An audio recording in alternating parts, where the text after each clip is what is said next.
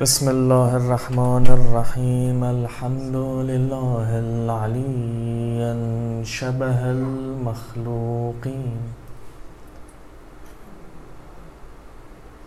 الغالب للمغال الواصفين.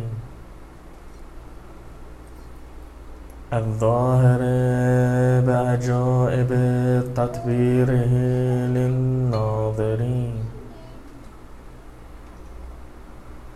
والباطن بجلال عزته عن فكر المتوهمين.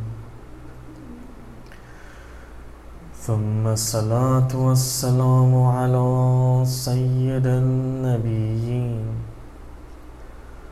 والخاتم المرسلين وحبيب إله العالمين.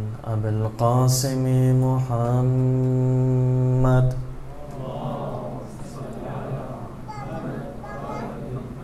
وعلى آله الطيبين الطاهرين المعصومين المكرمين.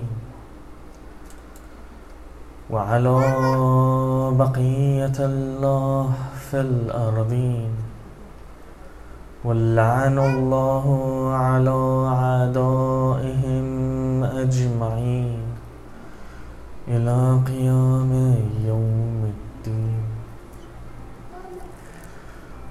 اللهم كن لوليك الحجة ابن الحسن. صلواتك عليه وعلى آبائه. في هذه الساعة وفي كل ساعة وليا وحافظا وقائدا وناصرا ودليلا وعينا حتى تسكنه أرضك طوعا وتمتعه فيها طويلا. För Imam Mahdis välgång och snara återkomst, Sverige skickar salawat.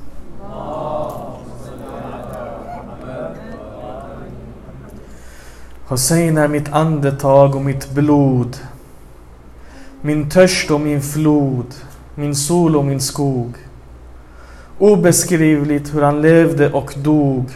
Hur dolken var mot strupen men han log. Vem var hans far? Vem var hans mor? Vem var hans bror? Vad var hans nor? Från syd till nord sörjer alla hans mord. Svarta fanor, himmelska banor, Guds hand i Karbalas sand. Hela världen är hans land. Han klyver ord. Hela världen sitter vid hans bord. Hussein är fartyget som tar mig till trygghetens hamn. Majlis Abu Abdullah tar mig till Husseins famn. Hussein är innebörden av alla kärleksfulla namn. Skicka en salat syskon.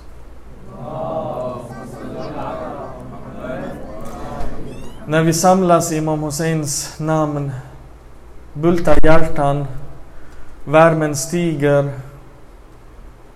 och kärleken sprids. Jag ber mina bröder att komma närm närmare denna källa av kärlek.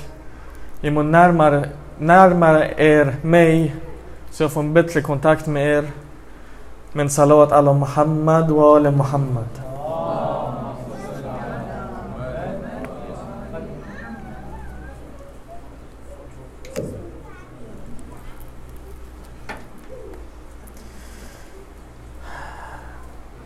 Profetens fru Om Salama Rahmatullah. Hon berättar En dag såg jag Rasulullah sitta med Hussein i sin famn. Profeten hade en bit röd lera i sin hand. Han pussade lerbiten och grät. Jag frågade honom, vad är det här för turba? Vad är det här för lera du har i din hand? Han svarade, Jebrail, ängeln Gabriel, har informerat mig att min son, den här Hussein som är i min famn, han kommer mördas i Karba, i Irak. Och han har hämtat denna jorden från det landet till mig. Jag gråter för det som kommer drabba min son Hussein. Sen gav profeten den här lerbiten och den här turban till Umm Salama. Han, han sa Umm Salama. När du ser den här turban förvandlas till blod ska du veta att Imam Hussein har mördats. Umm Salama tog den här turban, placerade den i en glasburk. Och varje dag kom hon och tittade på den här glasburken. Tills det blev tionde Muharram år 61 efter Hijra. Hon såg att från leran var bara blod kvar. Hon förstod, förstod att Imam Hussein hade dödats.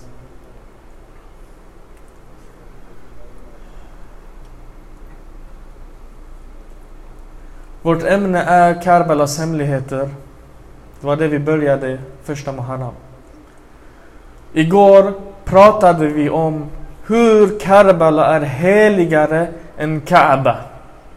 För de av er som inte var här och som en påminnelse av de av er som var här så sa vi att så fort en människa reser från mörker till ljus och börjar resa i nivåer av ljus så fort han placerar sin fot i Alam Nur, i Malakut, i den andliga världen så har han eller hon placerat sin fot i atmosfären av Welaya. När den här människan reser i den här resan av Nur Kanske vissa av oss kommer till en plats där det krävs ett budskap. Den här personen blir, blir en nabi, uppnår nuboa, blir en profet. Det betyder, och så sa vi att dessa profeter som skickas ner tillbaka till jorden blir rasul. Vissa av dem, till exempel de största som profeten Ibrahim och profeten Mustafa, salam. De kom till Mekka och visade sitt profetskap där. Så Mekka och Kaaba blev symbolen för profetskap. Men insidan av profetskap och baten av profetskap sa vi det var Welaya. Och Karbala, Karbala är manifestationen av Welaya. Karbala är insidan av Kaaba. Liksom Welaya är insidan av Nubuwa. Därför sa vi att Karbala är heligare än Kaaba. Det betyder också syskon att varenda profet som placerade sin fot någonstans på denna jorden, exempelvis profeten Shuaib salam. När han placerade sin fot i Madian, i Daher, i baten han placerade sin fot i Kaaba. Det betyder att när profeten Moses kallades till Wadi al-Muqaddas Tuwa, heliga dalen Tuwa, han kom in, de sa ta av dig sandalerna. Hada wadi muqaddasat huwa. I baten han placerade sin fot i Karbala. Samma Musa senare när han var på en vandringsfärd, han kom till Karbala, fysiska Karbala. Där igen, hans sandaler gick i sönder. Han gick barfota. Och det blev uppenbart för honom, detta är den Karbala som i baten du placerar din fot i Tawa, här det är fysiskt. Bani Israels profeter, Dawud Zakaria, Yahya, Suleiman, alla de här profeterna. De var aktiva runt Beitul Maqdis, Masjid al-Aqsa, Jerusalem. Alla de här, själva Beitul Muqaddas och själva Jerusalem blev symbolen för Nubu av Bani Israel. Samma Beitul Maqdis på insidan är Karbala.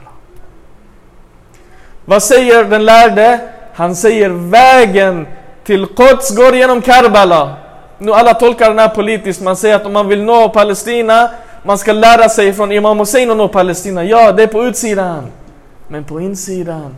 De här profeterna som kom till Beitul Maqdes och nådde sin Nubua i Beitul Maqdes. De passerade Karbala, det betyder att de passerade Walaya och kom dit. Vägen till Quds går genom Karbala både i detta livet, alltså i denna fysiska världen, och i Malakut, i den andliga världen. Baten är alltid en. Insidan är alltid en, men den har olika uttryck, olika former, olika daher, olika utsidor. Vad betyder det? Är Guds namn begränsat till Malakut? Vi sa att den som kommer upp där, han kommer i kontakt med Guds namn. Är det bara där som man kommer i kontakt med Guds namn? Kan man inte komma i kontakt med Guds namn här i den här materiella världen? Vad är relationen mellan mulk, alltså den här materiella världen, och malakut, den andliga världen? Vad är det för relation? Och hur är allt det här kopplat till Torbat Karbala? Som gör att den är välsignad, den är en shefa, det är ett botemedel. Det är det vi ska prata om idag. Skicka en salat syskon.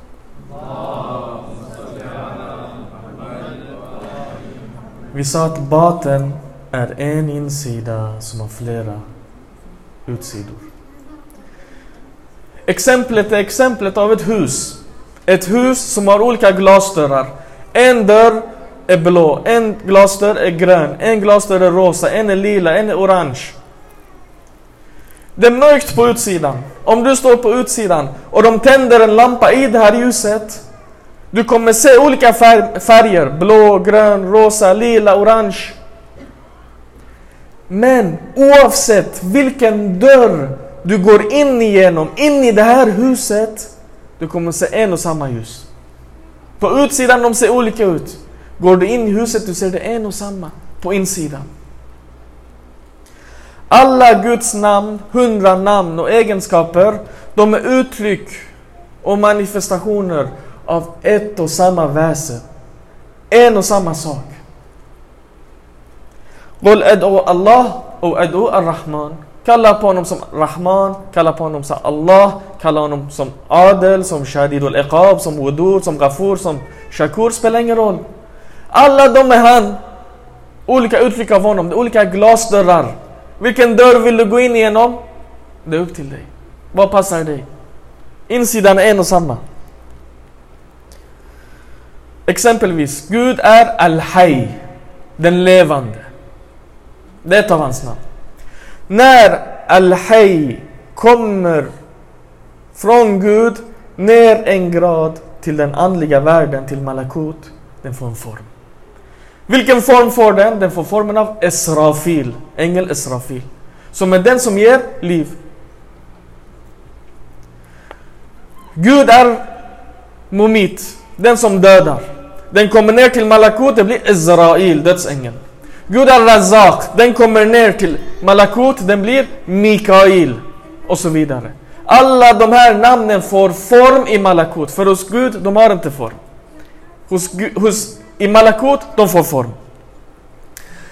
Men syskon, det, vi måste förstå den här. Nu tror vi att okay, det är där borta och jag är här nere. Nej. Reflektionen stannar inte där. För denna världen är en skugga av den världen. Mulk är en skugga av Malakut. Det betyder att i Alam och världen av Gud, det som kallas Alam Allah eller Alam Hahut, Hahut, Lahut, Jabar, Jabarut, Malakut, dessa olika namn som de har givit för olika nivåer. Den högsta som kallas Hahut är en värld av Guds väsen. Det, det finns ingen form, ingen bild, ingenting. In, allting är ett där. När den stiger ner ett steg och den kommer, den blir till exempel Al-Hay blir den här Israfil. Om den här stiger ner ända till Nasut, ända till Mulk, ända till Dunja, ända till den här materiella världen. Den här Al-Hay blir vatten. När du ser vatten, du ser Hay.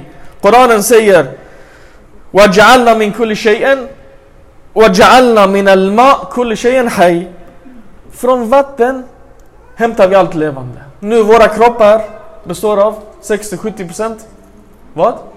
Vatten. Det betyder att inom oss finns en stark förbindelse till namnet Hay, Så vi är levande, nummer ett. Nummer två, det finns en stark förbindelse till Esrafil. För vi sa att i världen ovanför oss, det är Esrafil. När den Esrafil kommer ner här, det blir olika effekter där den här Esrafil rör sig. Det, I vatten den har stark effekt. Och i allt levande den har stark effekt. Så vi blir levande. Hej, namnet Hej har olika kroppar. Många olika kroppar. Vi är bland de kropparna som syns. Så när jag tittar på er och ni tittar på mig, ni ser Hej. Ni ser en av Guds namn. Ett annat exempel är Ra'ad. Vad är Ra'ad för någonting?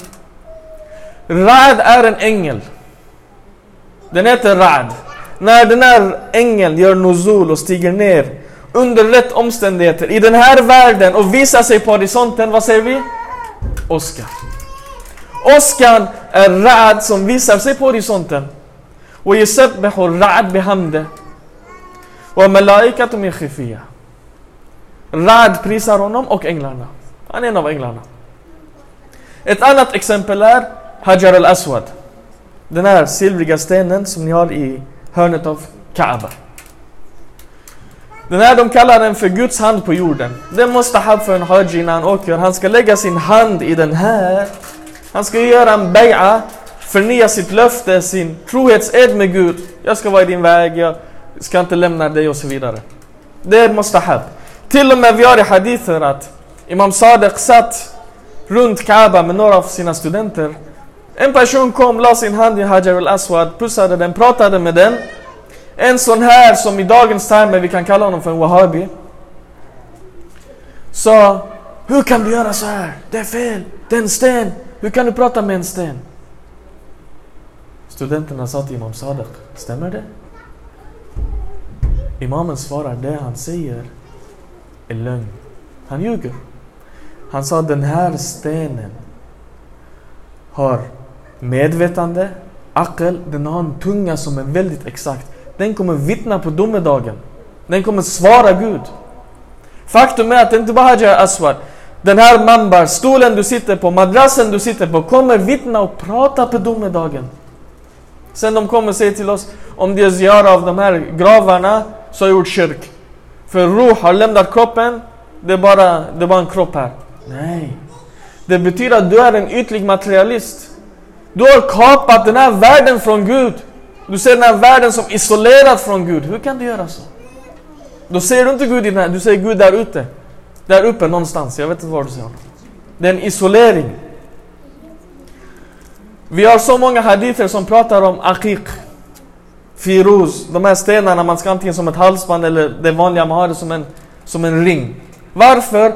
För de här stenarna, när olika stenar har olika effekter. Till exempel Firuz, men jag minns rätt, de pratar om att den ökar risk. Aqiq har själsliga effekter. Ta bort sår, det finns olika stenar. Varför? För att dessa änglar som finns där uppe, som är bärare av dessa namnen, har kontakt med dessa stenarna. Till exempel, om ni ska fånga solens energi och förvandla den till elektricitet, vad använder ni för någonting? Ni använder solpaneler. Solpanelers egenskap är den att den kan fånga solens ljus och förvandla den till energi, till elektricitet. De här stenarna som aqiq, som firuz och så vidare.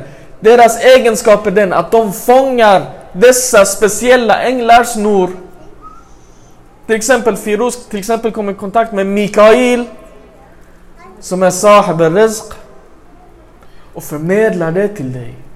För du har den här ringen på din kropp, din roh, via din kropp kommer i kontakt med den stenen som är i kontakt med den ängeln. Så det blir en kontakt mellan din roh och den ängelns roh och det påverkar dig. Om ni kollar syskon, Islam uppmanar oss att gifta oss. Varför? För att för det första den tawhid en rörelse. Två blir ett. Två själar blir en. Det är en rörelse. Det går från Kasra till wahda. Från mångfald till enhet. För det andra, när den, de här två gifter sig, vad händer? Så många av Guds namn stiger ner från Gud in i deras hjärtan och visas i dem. Helt plötsligt de blir Rauf, Rahim, Karim, Wadud, Ghafur, Shakur. Hur många namn kommer inte in i det här äktenskapet? Hur? Om shaitan kommer emellan, han försöker förstöra de här namnen. Han attackerar de namnen. Hur? I kalb. Han går in där inne, han förstör de här namnen. Vad säger hadisen? Hadisen säger den som gifter sig och ber, hans bön är 70 gånger mer värd. Varför? Varför? För en sån person, när han går till bönen, han kommer med Rahman, med Rahim, med Muadur, med Shakur, med Ghafur, med alla de här namnen. Han själv är ett namn bestående av alla de här namnen. Självklart hans bön går högre upp. Det är det som är skillnaden. Islam säger till oss att skaffa barn. Varför? För när människan skaffar ett barn, det här paret, de blir khaliq. De blir skapare. De blir rabb. De uppfostrar. De blir adel. De blir rättvisa. De blir razak. De ger risk till det här barnet.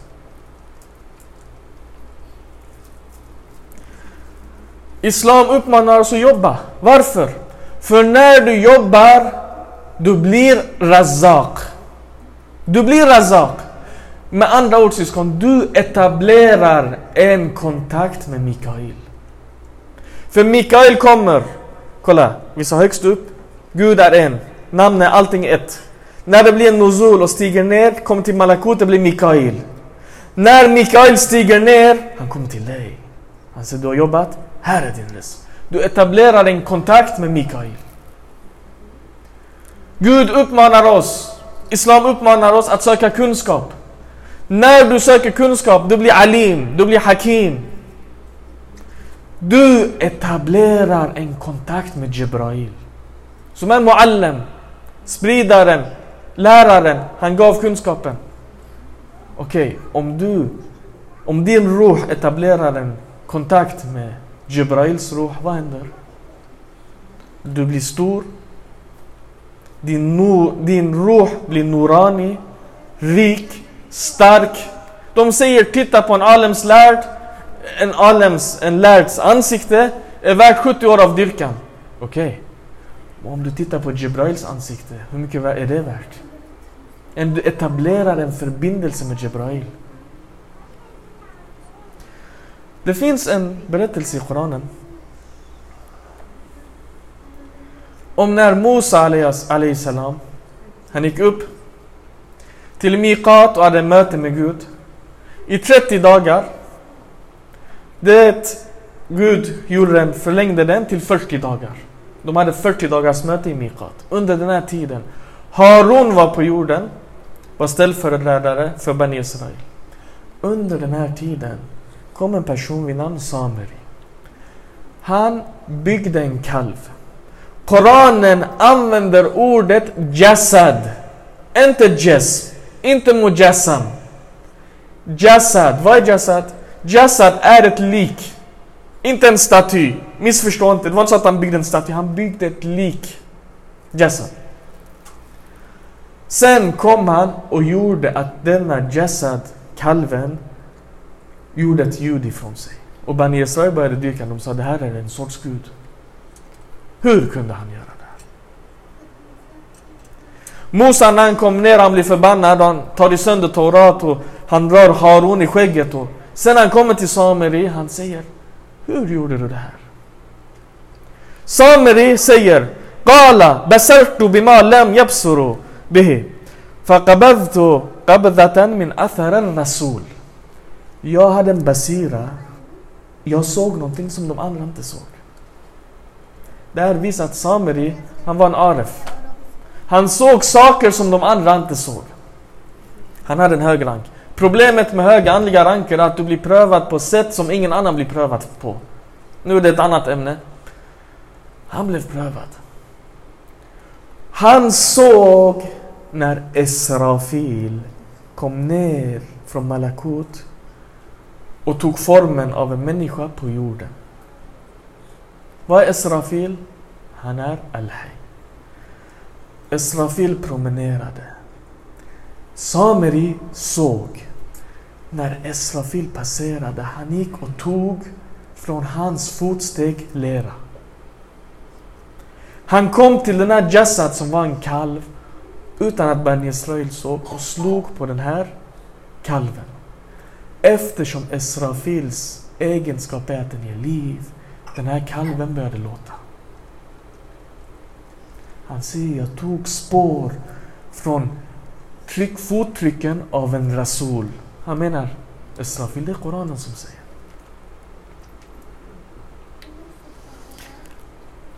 Sameri förstod det här. Effekten av malakut på mulk. Sen Musa, han blev förbannad. Han skulle döda honom. Gud gjorde wahi, han sa i alla fall Sameri har en egenskap, han är mycket karim. Döda inte honom. Musa förbannade honom och Koranen säger han fick han blev förbannad med lamas. Rör mig inte. De säger att han fick en sjukdom, en spettälska eller någonting. Kanske den tidens corona. De sa rör mig inte, kom inte nära mig. Han var för sig själv resten av sitt liv tills han dog. Ingen fick komma nära honom. Nu vi går till vårt ämne syskon. Imam Sadiq Ali salam, han säger Gud har placerat shafa'a, bot i min jad, förfader Husseins turba.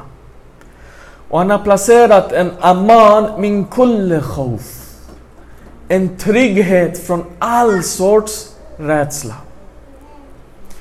Så den av er, han lär oss, hur ska vi dra nytta av den? Han sa den av er som vill dra nytta av torbate, Imam Hussein. Hur ska ni göra? Först ni tar den. Ni pussar den. Sen ni lägger den på era ögon. Sen ni drar den på era kroppsdelar. Imam Sadiq säger det. Nu det var en person här i Sverige, han berättade. Han visste inte om den här hadisen. Han säger, jag såg i en dröm. Nu jag nämner inte den här personens namn, det var en stor aref. Om jag nämner ni kommer känna honom. Han är inte känd som var aref, jag kallar honom för en okänd aref. Stor alem i alla fall. Han drömde om den här personen han fick en amal och en handling, andlig handling han skulle göra. Den här alemen, han satt på bönemattan och han sa till honom så här. Han sa efter du har bett Dra dina handflator på Torbat Imam Hussein och dra den över dina ögon. Han sa jag gjorde så här och jag såg märkvärdiga saker. Effekten av den här torban är på det här sättet. Hur kan det komma sig att Karbalas lera är välsignad? Hur kan det komma sig att Karbalas lera läker både kropp och själ? En annan hadith, om jag minns rätt också från Imam Sadiq, säger att äta lera, imamen säger, äta lera är haram som äta gris. Men äta lite av Imam Husseins lera för shafa och för välsignelse, det är tillåtet. Det var en annan person, också här i Sverige, han berättade att han hade fått en flaska med Zamzam-vatten. Blandat med torba av Imam Hussein. Av Ayatollah Bahjan. Och innan han fick den här flaskan, han hade drömt om den här. Så stark effekt hade han. Och han berättade för mig att han Drack en matsked av den här varje dag i sex månader. Han sa så många mörka, dåliga egenskaper och andliga sjukdomar och kroppsliga sjukdomar försvann från mig under den tiden. Nu han gav mig också en matsked jag fick smaka. Jag själv såg också effekten från den här. Om ni kommer i kontakt, nu vårt ämne var Karbala och Kaaba, eller Nu den var blandat, så det var båda två. Men om någon av er kommer i kontakt med ren torba, testa det här. Eller nästa gång ni ber, dra er hand och lägg på ögonen. Se vad det är som händer. Frågan är här syskon. Hur kan det komma sig? Vad är hemligheten bakom det här? Svaret är den syskon. Med den här muqaddama och förberedelsen som vi gav till den här punkten. Det är nummer ett. Imamens ruh finns i hela världen. Hela den här världen och hela den andliga världen. Från mulk till malakut. För att Gud skapade allt genom den här ruhen och genom den här noren. Genom imamens. Men på vissa platser har imamens ruh en starkare koppling. Förutom i själva den materiella kroppen av Imam Hussein salam hade Imam Husseins ruh en väldigt stark koppling till Karbalas mark. Av två anledningar. Anledning nummer ett. För de av er som till exempel har varit i Kufa, ni har gått in i Imam Alis hus. Ni har fått en förbindelse där, när man kommer in i det här huset, man får en stark känsla. För de av er som har varit i Masjid och Nabi, ni har känt att här har profeten gått, du får en stark förbindelse. Ja. Imam Hussein, när han kom till Karbala, innan han kom till Karbala, han köpte Karbala. Han köpte Karbala med egna pengar innan han kom dit. Det vill säga Karbalas mark var hans. Han sa det är min mark. Det är mitt hus. Det är min. Vad? Det är en del av min själ. Nummer ett. Nummer två. När Imam Hussein satt på den här hästen syskon. Den här hästen som han satt på, det var en speciell häst. Den kände av efter alla pilar och stenar och svärdhugg att imamens kropp orkar inte sitta kvar längre på den här hästen. Så när imamens kropp lutade sig åt höger, den här hästen sprang åt höger. Och när imamens kropp lutade sig åt vänster, hästen lutade sig åt vänster för att hålla kvar imamens kropp på hästen. Tills den där järnpålen kom och slog ner Imam Hussein och han föll på den här marken.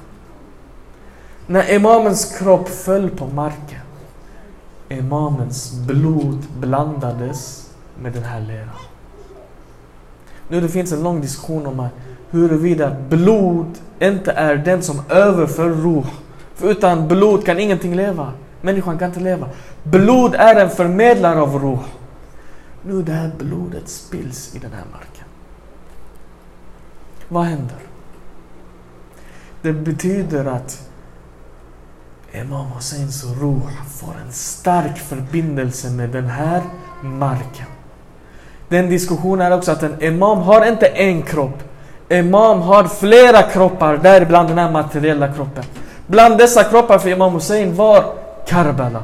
Karbala var en del av hans kropp, det vill säga Imamens ruh hade en stark förbindelse med den marken. Om från Esrafils fotspår samer kunde ge ljud till en guldkalv.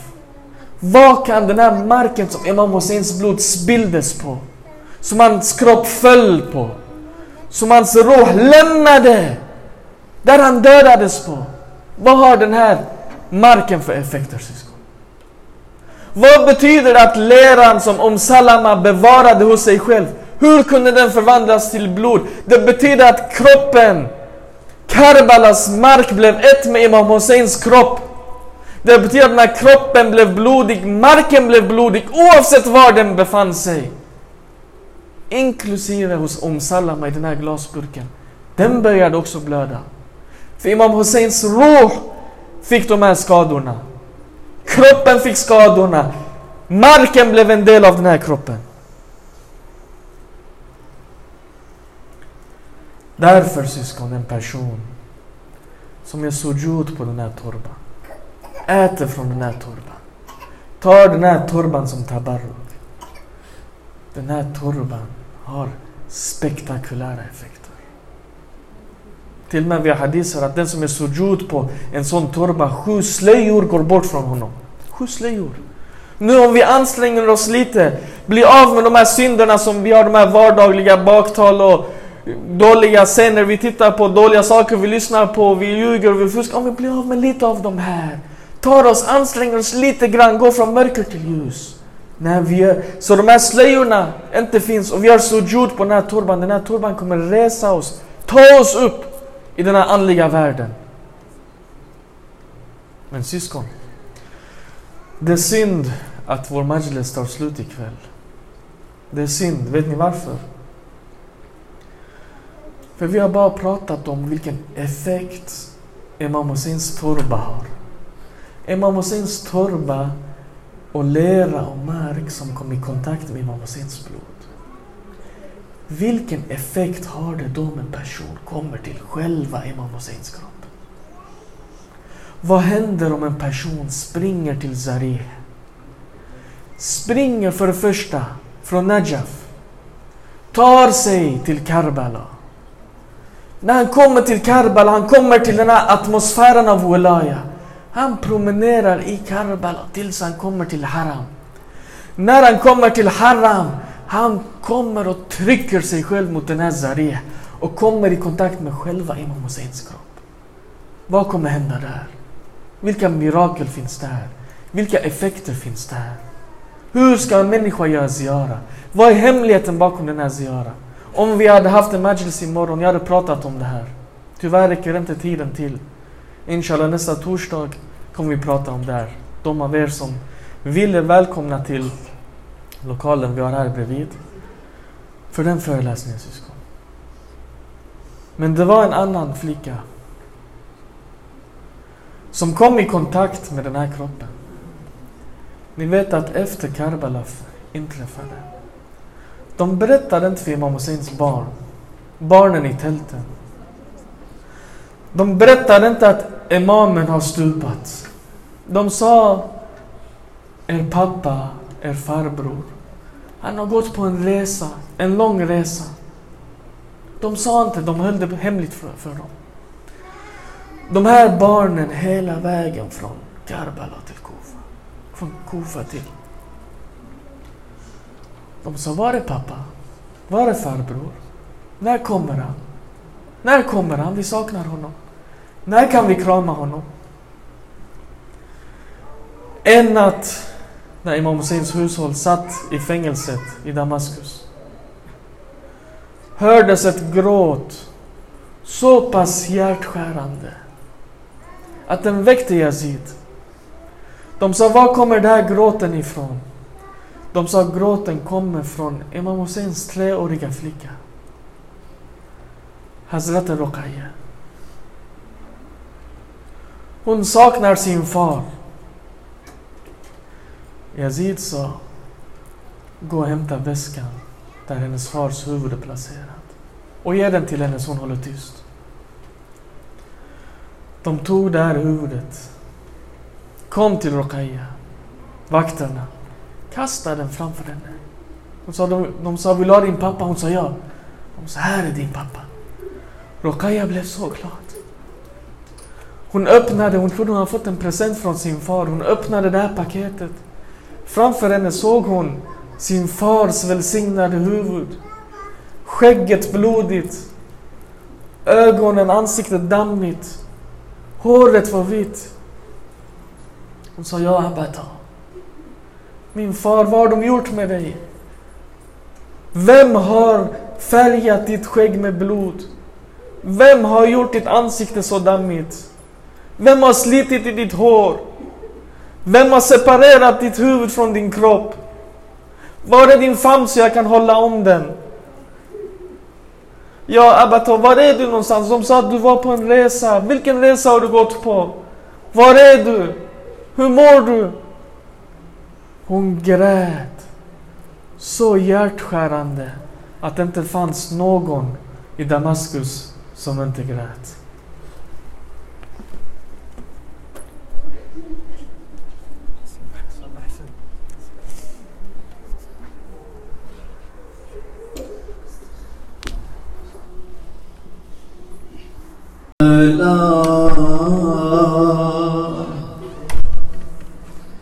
يعني قاسم ما تهنى كربلاء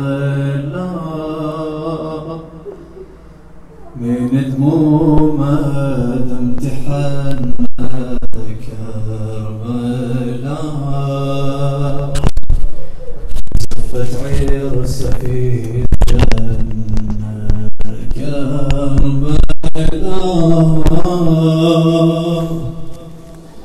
يعني الجفيل على النهار كربلاء.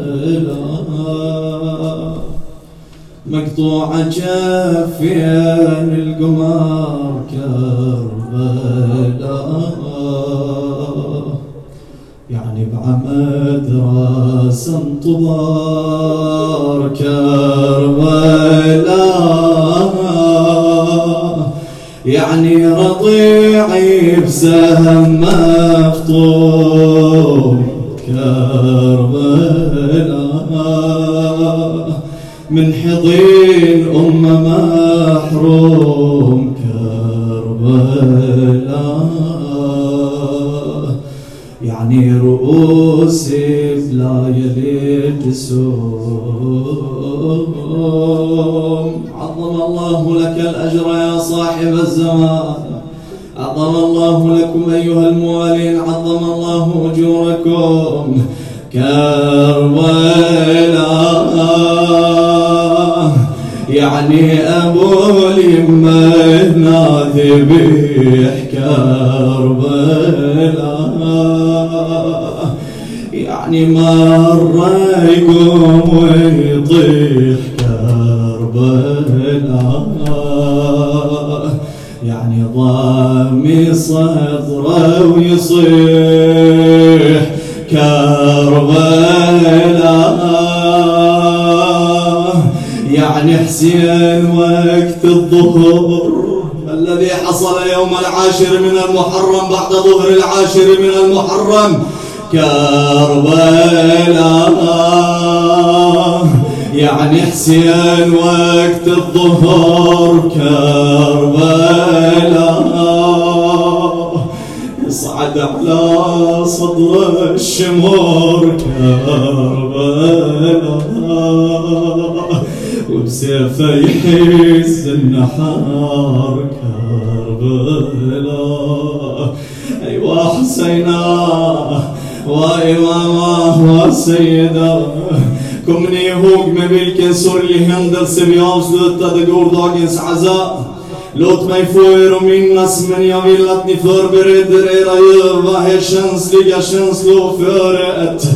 Zainab hon kastar sig på hans grav.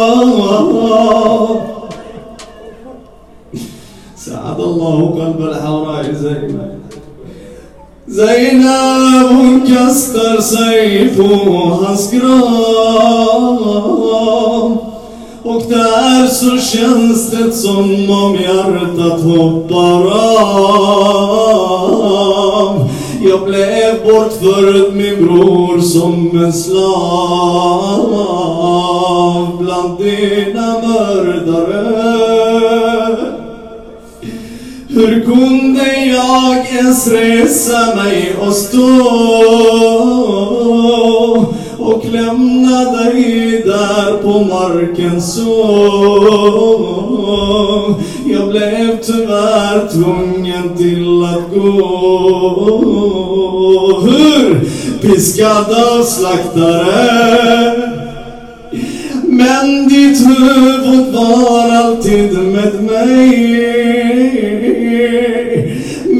ditt huvud var alltid med mig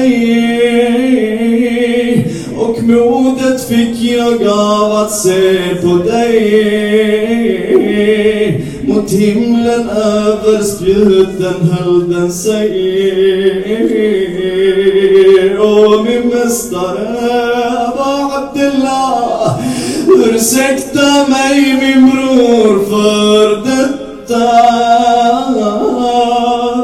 Ruqayya kunde jag inte hämta Ursäkta mig min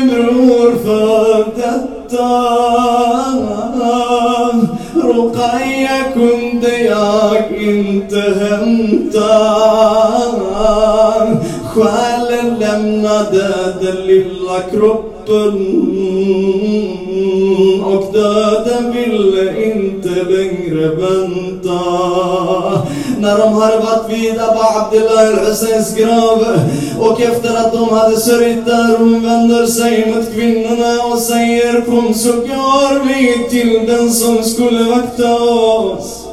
Han som skulle se till att vi återvänder till våra hem i säkerhet. Abbas, ja Abel Hur kunde du lämna mig sådär? Och lät mig gå medan du ligger här kunde de få oss gå isär Min kära väktare Res dig nu och kom så går vi hem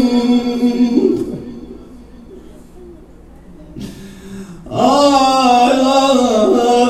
ah, ah. Res dig nu och kom så går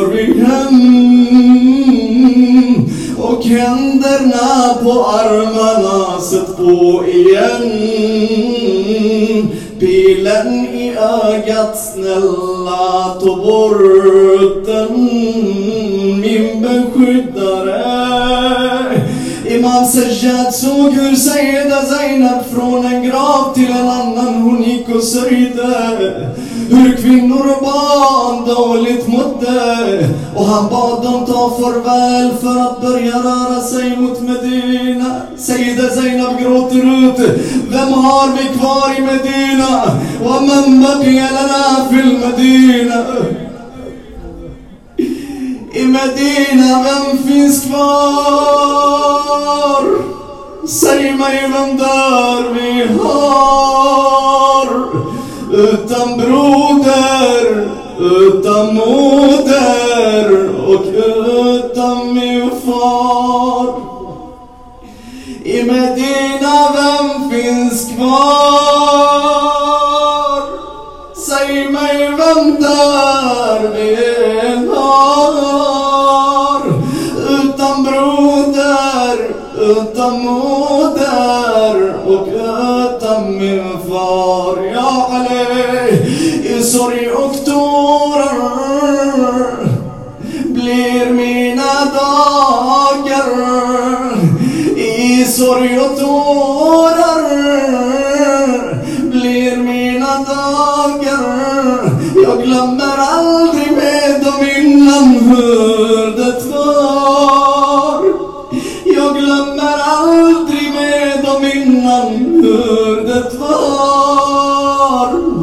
Husen är tomma Vart ska jag rymma från sårade minnen? Husen är tomma Vart ska jag rymma från sårade sinnen och mina minnen? Säg mig var det känns som om hon vänder sig mot Imam Hussein alayhi salam och skriker ut Åh bror om jag fick vara här för evigt så hade jag med dig i graven sovit Åh bror, om jag fick vara här för evigt så hade jag med dig i graven sovit Ah, grått blev mitt hår efter Karbala Och utan dig är mitt liv svartvitt. Och reser sig för att ta farväl Till Medina jag nu återgår med mina djupa öppna sår. Jag vet inte vad jag ska ta mig till. Bara Gud, Allah vet hur jag mår. Hur kan vi gå utan dig bror? Stannar gör Zahra vår mor ساعد الله قلب فاطمة الزهراء. ساعد الله قلب مولاتي فاطمة. وتبر الطرسيرة نوم وزهراء الزهراء حاضرة في كل مجلس يذكر فيه الحسين هم في سيدار بسرير إمام حسين يهبس إن شاء الله سموت بلدنا سيرت هنا ميو وسيرنا مجلس كان بيقول تندي برور استنر يا زهراء برمور Stannar jag Zahra vår mor. Hur kan vi gå utan dig bror? Zainab min älskade syster res tillbaka till Medina Hälsa där vår morfar från mig och ta med dig min Sukaina Berätta allt om Karbala, utgå från känslorna dina. Jag är inte ensam Zainab, Fatima är här och sörjer. يا قاري أنت انسم زينب. فاطمة أرهار وسرير. استنر يا زهراء من مودر. وروضي انت فرد برودر محزونة لأجلك فاطمة ومحرمك كل بالسواد ولجلك ملائكتي السما كل يوم تعلن لك حداد. يلتزف جروحك دماء النايم بحر المهاد. وسادتك تربي ورميل وشمس الضميرة تألمك. من نوصل أرض المدينة هنا كان ينصب ماتمك دوم لما كربلاء وقول هي لباقي نموت مدينة När de börjar komma nära utkanterna skyndar sig Bishr ibn Hadlam innan karavanen anländer. Han rider hastigt före karavanen för att utannonsera Imam Husseins martyrskap. Så som Imam Sajjad Zainul Abidin sa åt honom att göra. När Bishr når profetens moské i Medina höjer han sin gråtfyllda röst och reciterar och Medina bör, Medina har nått sitt avslut. Hussein har slaktats och mina tårar har inget slut. Och Medina bor, Medina har nått sitt avslut. Hussein har slaktats och mina tårar har inget slut. Hans kropp insmord i hans blod ligger i Kerbala norrut. Hans heliga huvud fört från plats till plats på spjutet. Ja, ahla Yathrib ala muqama lakum binar. قتل الحسين وأدمعي مدرار يا أهل يثرب لا مقام لكم بالله. قتل الحسين فأدمعي مدرار الجسم منه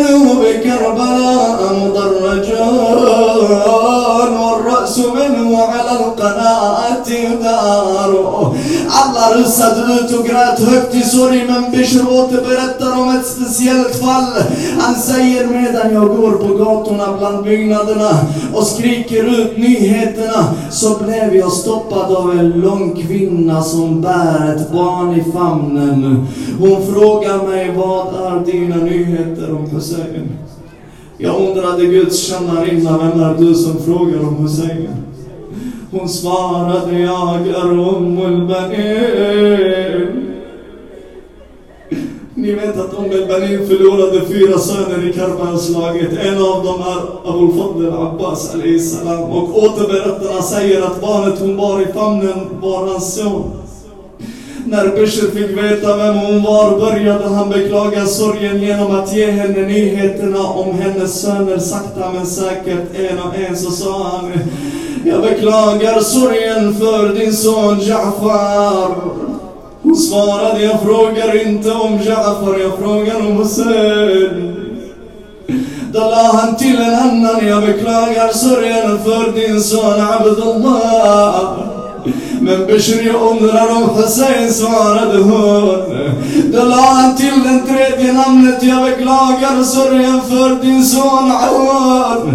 du Bishir, kan du berätta om Hussein? Då sa han, om al-Banin. Jag beklagar sorgen och förlusten av familjens vackra måne Abul-Fadl Abbas. När hon fick höra på detta la hon handen på undersidan av ryggen och tappade nästan greppet om barnet och sa Bishir, du har skött av ådrorna som går till mitt hjärta och med nyheterna om mina barns död gjort en enorm smärta. Men du måste veta Bishir att allt som finns på denna planet är jag beredd att offra för Imam Husseins skull. Säg mig nu, lever han eller inte? Ja, Umm al-Banin!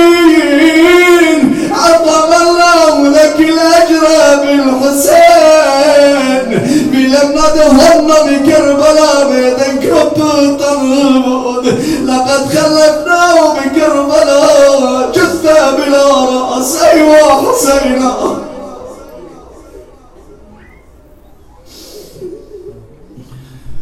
تبكيك عيني لا لأجل مثوبتك لكنما عيني لأجلك باكيا تبتل منكم كربلاء بدم ولا تبتل مني بالدموع الجارية. لا حول ولا قوة إلا بالله. العلي العظيم. إنا لله وإنا إليه راجعون. وسيعلم الذين ظلموا أي منقلب ينقلبون والعاقبة للمتقين. صلى الله على محمد وآل محمد. اللهم صل على محمد Jag fick veta idag att islamofoberna hade twittrat om